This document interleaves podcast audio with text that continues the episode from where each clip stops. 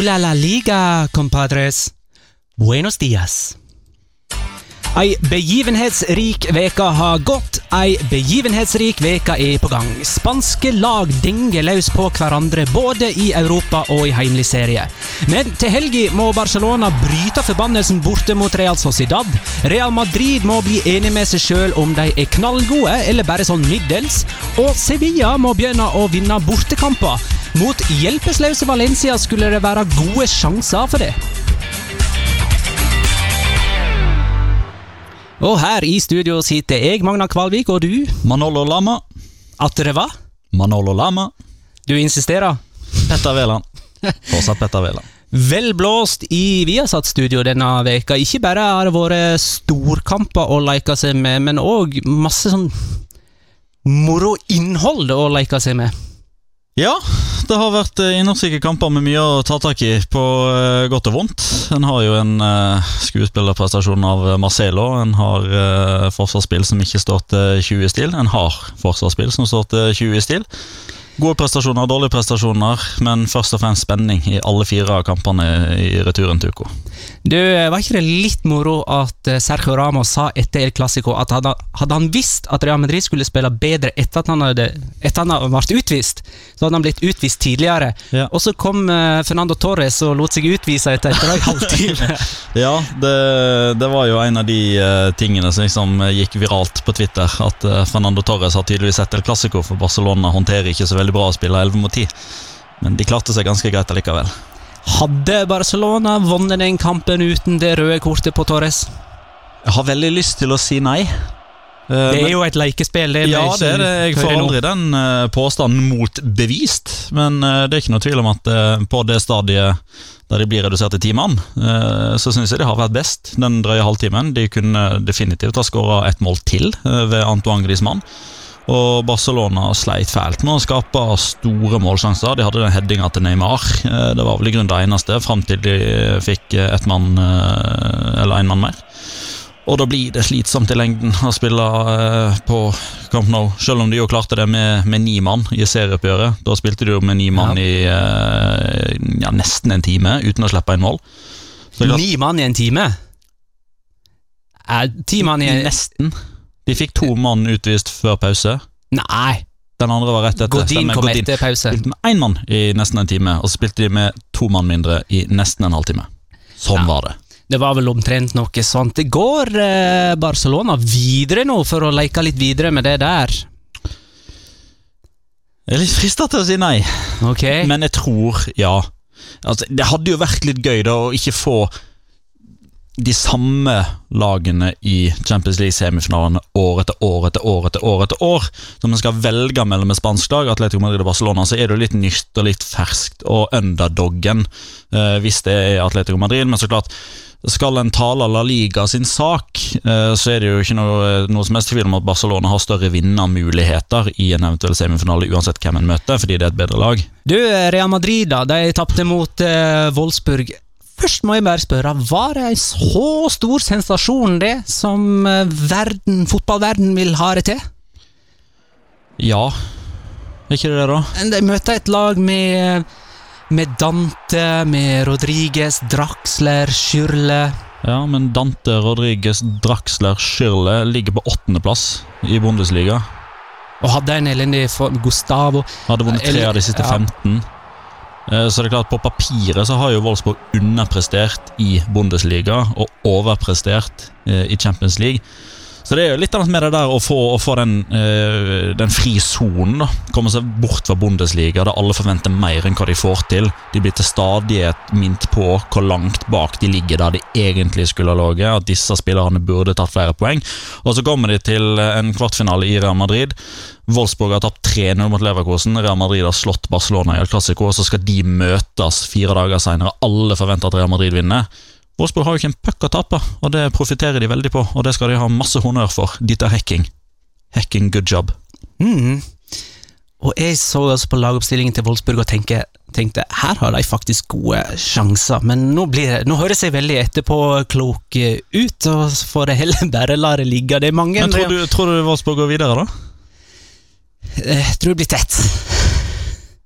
2-0. Ja, jeg tror det. Jeg tror de skåra på Santiago Bernabeu. Det tror jeg òg. Ja. Men jeg tror ikke de går videre. Ja, tror- nei, det tror jeg, altså. Men Real Madrid kan skåre fire mål på hjemmebane. Det kan de. Eh, Det er mange som får gjennomgå av Real Madrid-spillerne eh, i eh, døgnet etter denne kampen. Spesielt Danilo. Ja, først og fremst. Fordi han var jo den eneste mannen som kom inn. Det var den eneste endringen fra El Clásico til denne Champions League-kampen. Og det er én ting som forundrer meg mer enn noe annet eh, ved Zidane. eh, Og det er at han ikke ser det som for meg framstår som helt åpenbart, og som veldig mange andre òg mener er helt åpenbart, nemlig at Carvajal anno april 2016 er en bedre Real Madrid høyreback enn hva Danilo er. Så, så i, i mitt hode så hadde uh, Carvajal starta alle viktige kamper mot tøff motstand, mens Danilo hadde fått hjemmekampene mot Eibar. Men du, er ikke det litt sånn nesten nå i alle posisjoner at backupen er enten ikke av god nok standard eller i for dårlig form? Har rett og slett, sånn som ståa er nå, Real Madrid tynn stand? Det er jo helt absurd!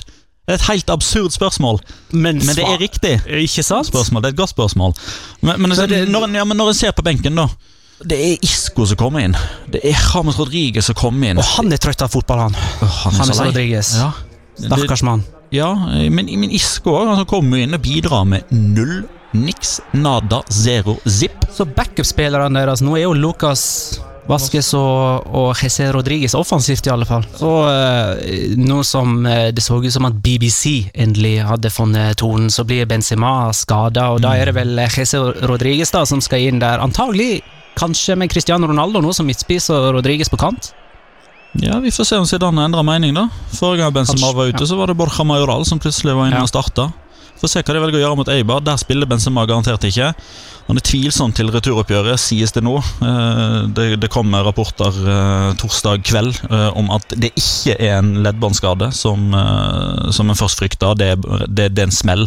Støtskade, slagskade. Eh, Som er av mindre eh, alvorlighetsgrad. Eh, Så de, de håper å få plastra han klar til returoppgjøret på tirsdag. Marcelo, da, kan han spille i helga etter å ha blitt overfalt av angler? Han fikk eh, På utrolig måte så slapp han unna uten varige men. Det kan hende skammen gjør at han ikke vil bli sett i dagslys eh, om ei uke, men eh, jo da, han er nok med. Ligner han litt på Will Smith? Ifølge Gerald Piquet så gjør han det, som eh, kommer med nok en eh, tweet på et tilfeldig tidspunkt. kryptisk tweet eh, få minutter etter kampen til Real Madrid, der eh, han nettopp tydeligvis har sett concussion av alle ting, og eh, gir eh, Will Smith status som en av de beste skuespillerne i verden. Kryptisk rett, eh, Han hadde jo en lignende tidligere òg. Han har hatt det før. Jeg skal, eh, jeg skal ikke påstå at jeg hevder hva for en kamp det var, eller hvem som gjorde det, men det var eh, enten rett før eller rett etter Oscar-utdelingen, altså den ordentlige Oscar-utdelingen, The Oscars. Da kom han med en litt sånn at han Enten så hadde han nettopp sett Oscar-utdelingen, eller så skulle han til å se Oscar-utdelingen, og den tweeten kom typ ti minutter etter at eh, en Real Madrid-spiller da helt åpenbart hadde filma. Du, vi må snakke litt om kommende helgs eh, kamper, og der Barcelona får det tøft i San Sebastian.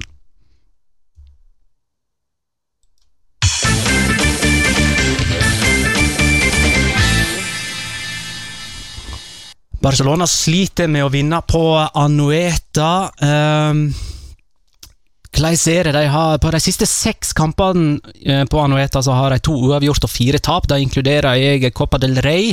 De har tapt på Anueta under Guardiola, eh, Tito Villanova, Tata Martino og Luis Enrique forrige sesong. Og etter det tapet Mhm. så var Luis Enrique sitt hode sånn, og alle skulle kappe hodet hans her. Da måtte han gå. Og så vant de de neste 19 av Eller ja, 19 av de neste 21 seriekampene. Var det, var Og sånn? vant cupen og Champions League. Men du, eh, bærer Barcelona litt preg av å være slettende nå? Ser litt sånn ut. Eh, så, det er så klart lov å ha dårlige kamper, og sjøl Barcelona kan ha to dårlige kamper på rad. Eh, men det er liksom Det er vel egentlig tre dårlige kamper på rad nå, borte mot Villarreal òg. Der var det òg noe som skurra. Da hadde de eh, en, eh, en dødballskåring, en straffeskåring, eh, mistet en 2-0-ledelse. Og så var det klassiker som de tapte. Heller ikke der så skåra de spillemål. Og så viser de der òg mista de ledelse. Der òg mista de ledelse, og så havner de jo unna mot Atletico Madrid. Og er sånn som jeg ser det underlegne 11 mot 11. Eh, Så skal de selvfølgelig ha honnør for at de snur. Det er ikke alle som klarer det mot Atletico Madrid. Altså Det er ikke walk in the park bare pga. at eh, Atletico Madrid forsvarer seg med 10 i stedet for 11. Så det er jo en prestasjon i seg sjøl, det. Men ja, MSN. Nå blir det vel ikke MSN nå, da. Nei, for nå er jo S ute. Mm. Så da blir, da blir det NM, Norgesmesterskap. Ja, pluss eh, Monir, kanskje. Det er nok han som går inn, ja. Mm. Jeg tror ikke de kjører inn gjester opp på venstrekant, sånn som de gjorde eh, en god del under Tata Martino. Er dette den vanskeligste kampen Barcelona har igjen i serien? Ja. Du vet at det er Valencia i kampen etter? Ikke så vi jeg sa det som en vits, det er så dårlig. Ja. Ja. Eh, Nei, men altså, det er jo oppsiktsvekkende, det, da. eh, At de ikke har vunnet i San Sebastian siden 2007. Ja. Det er et eller annet som skjer, og det det er liksom det, Alle Barcelona-spillerne vet jo dette her. Alle de katalanske mediene skriver om dette her. Så det er klart, når de flyr fra Barcelona, de lander i San Sebastian eller i, i Ron, eller hvor de nå lander Mm. Den veien som de kjører inn til San Sebastian, hotellet de bor på, som de sikkert bytter fra gang til gang pga. at det forrige hotellet de bodde på, bringer dårlige minner. Det er en sånn ting som Barcelona gjør, har jeg hørt. At hvis de taper et sted, så bor de ikke på det hotellet neste gang Begynner å bli byen. tom for hotell Begynner på, hotell. i San Sebastian. Ja, det, de kan ikke bo på eh, Londres og, eller Inglaterra eller noen av de der lenger. Åh, det er fine hotell. Oi, oi, oi. Du, Uh, kommer det til å bli rotering her? Det er jo en ny Champions League-kamp på Vicente Calderón eh, Det er det, og den kampen betyr langt mer. Ja. Så definitivt. Eh, kanskje får en se Bartra, kanskje får en se eh, Fermalen. Eh? Adriano er vel skada, Mathieu er skada. ja, stemmer. Eh, kanskje får en se Rafinha fra start. Det det for første gang på veldig lenge. Sergi Roberto er helt sikker kommet til å spille fra start, fordi Iniesta eh, nesten helt garantert ikke starter. Mm. Eh, og så får vi jo se Monir pga. Uh, karantenen til Suárez. Det er liksom Alarmklokkene, er det det heter? Ringeklokkene, bjelleklang. Det begynner å ringe. Du som har kåra Barcelona til seriemester Ja, men det blir det. Men det blir mer februar. spenning enn hva jeg trodde. Det er jeg veldig glad for. Real Sociedad? De har jo en sånn egen evne til å bli kjempegode i kamper de egentlig ikke har sjanse til å vinne, sånn i utgangspunktet. Sånn, Sånn som forrige helg. Da de blir det første laget siden Manchester City som eh, reiser fra Ramón Sánchez Pirjuan med tre poeng. Og det gjorde jo faktisk Manchester City i og med at det var Champions League-gruppespill. Og da hadde altså Sevilla vunnet 17 strake hjemme, og Sociedad hadde bare fem kamper på rad uten seier i forkant der. Stemmer det. Eh, Da traff Eusebio veldig godt på inngangen. Eh, De første, de første ti minuttene så, så hadde en rett og slett bare en sånn feeling av at lagene hadde bytta drakter. Fordi Sevilla vanligvis de første ti minuttene, ti minuttene på Ramón Sánchez Pizjuan er rett og slett uhyggelige for de som kommer på besøk. Real Sociedad klart å snu det. De fikk cornerer med en gang. De skåra før minuttet var spilt. Så fikk de nye dødballer. Sevilla kom aldri helt i gang, og så fikk de 0-2 eh, før pause der òg. Og så husker en jo òg Det var forrige sesong, det. Da slo de jo både Barcelona, Atletico Madrid og Real Madrid hjemme på noe Eller det var, det var to sesonger siden. Men de hadde òg gode resultater mot de antar sterkeste forrige sesong. Er det med Carlos Vela nå? Uff, stakkars. Eller ikke stakkars, men for en trist utvikling. Det var jo så kanongod de foregående to-tre sesongene, og så daler det nedover. Ja. Den nedturen starta allerede i sommer, for da, da var han egentlig på vei bort. Eh, da begynte exit-spekulasjonene virkelig å, å skyte fart. Ja, Allerede snakk om MLS. Ja. Eh, fordi der, altså det forholdet mellom USA og Mexico rent fotballmessig har jo mjukna litt. Grann. Det er en flom av meksikanere som, som enten har kommet eller er på vei til, eh, til MLS. Er Sikkert litt sånn markedsføringsgreier der òg. Giovanni Dos Santos, eh, blant annet. Eh, Jonathan Dos Santos eh, skal visstnok være på vei dit og bli gjenforent med broren sin. Carlos Vela kommer til å ende opp i MLS nå til sommeren. Det er benkers bortimot. Eh, Men han måtte jo eh, på en pressekonferanse i juli Så måtte han liksom sitte og forsvare at han skulle spille for Real Sociedad en sesong til. Og at ja, jeg har lyst til å være her, og Real Sociedad betyr mye for meg. så kom han aldri i gang. Han skårte vel det første målet i La Liga borte mot Levante eh, på nyåret, langt ut på høsten iallfall. Mange kamper i begynnelsen av sesongen uten at han skårer mål. Nesten ikke målgivende. Og, og det som har vært Real Sociedad sin store styrke under Carlos Velas i tid, det er jo overgangsbildet. De har skåra så mange mål på kontringer. Denne sesongen skal de skåre to kontringsmål! To! Det færreste av alle. Real Sociedad er for øvrig en fascinerende klubb. De starta vel med åtte egenutvikla spillere mot eh, Sevilla sist. Eh, og hvordan kan man se denne kampen mot Barcelona? Se den på TV. Man kan se den på internett. Ja. Vi har tatt fotball. Ja. Viaplay. Play. Sendinga starter 2025, og det er dessverre jeg som kommenterer. Der ser du. Du, eh, dagen etter så er det Valencia Sevilla, og det må vi snakke om.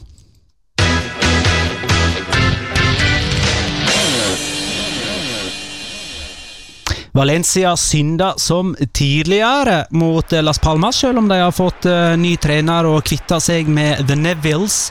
Eh, De tok riktignok ledelsen mot Las Palmas etter at Rodrigo Moreno utnytta en tabbe av Javi Varas, men så snudde altså Las Palmas med to mål i andre omgang.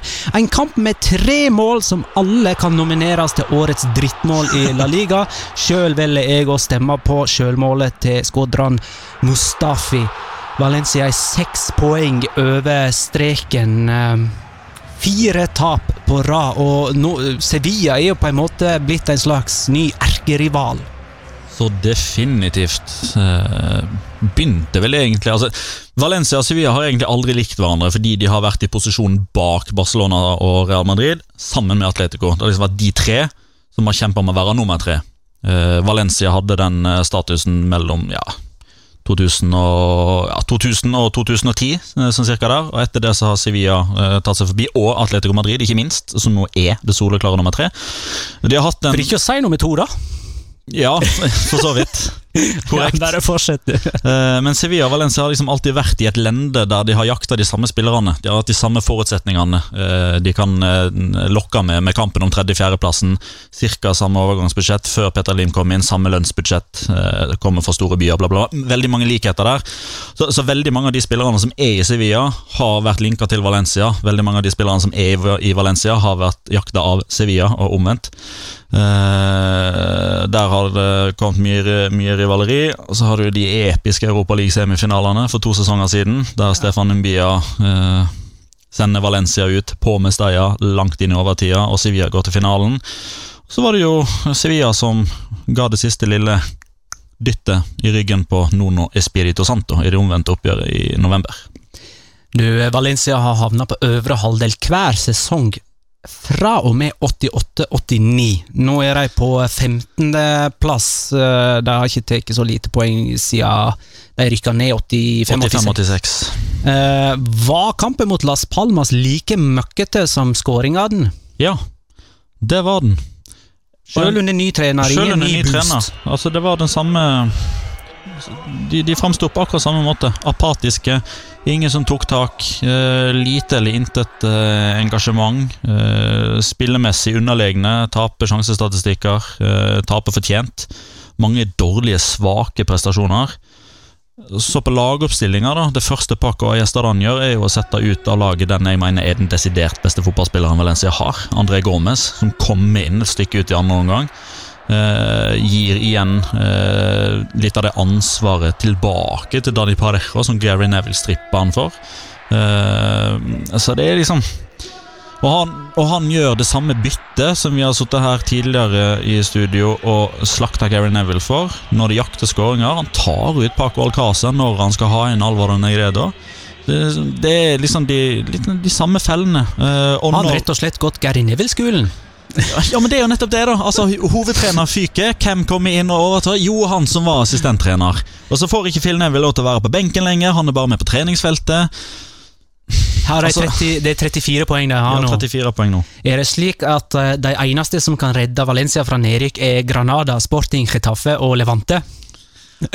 Ja, altså, de, de, de kan bli redda av at det er flere lag som tar enda færre poeng Ja, eh, enn de sjøl. Men uh, faktum er jo at i løpet av de sju siste serierundene så skal de møte fire av topp seks.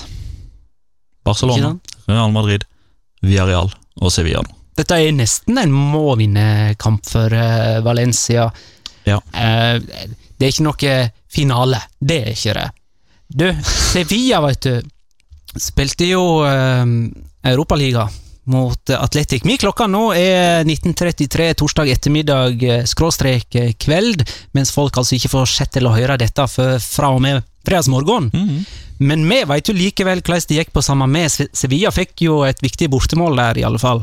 Ja, de gjorde det. De fikk med seg 1-1, så de skal være ganske fornøyd med Kampen var liksom så der. altså Atletic eh, kunne og burde ha vunnet, om en ser på eh, sjansestatistikk. Brant straffespark, blant annet, men eh, Og Via Real de slo ut eh, Sparta Praha. Ja, da, nei, de- de, de har ikke sligra ut, Nei da, men, men, de, de vant hjemme. 2-0. Eh, også Sparta holdt Praha nullen fikk igjen. ikke eh, et bortemål. de, Altså. Nei, det, det gjorde de ikke. Så der har den gule ubåten fortsatt periskopet opp.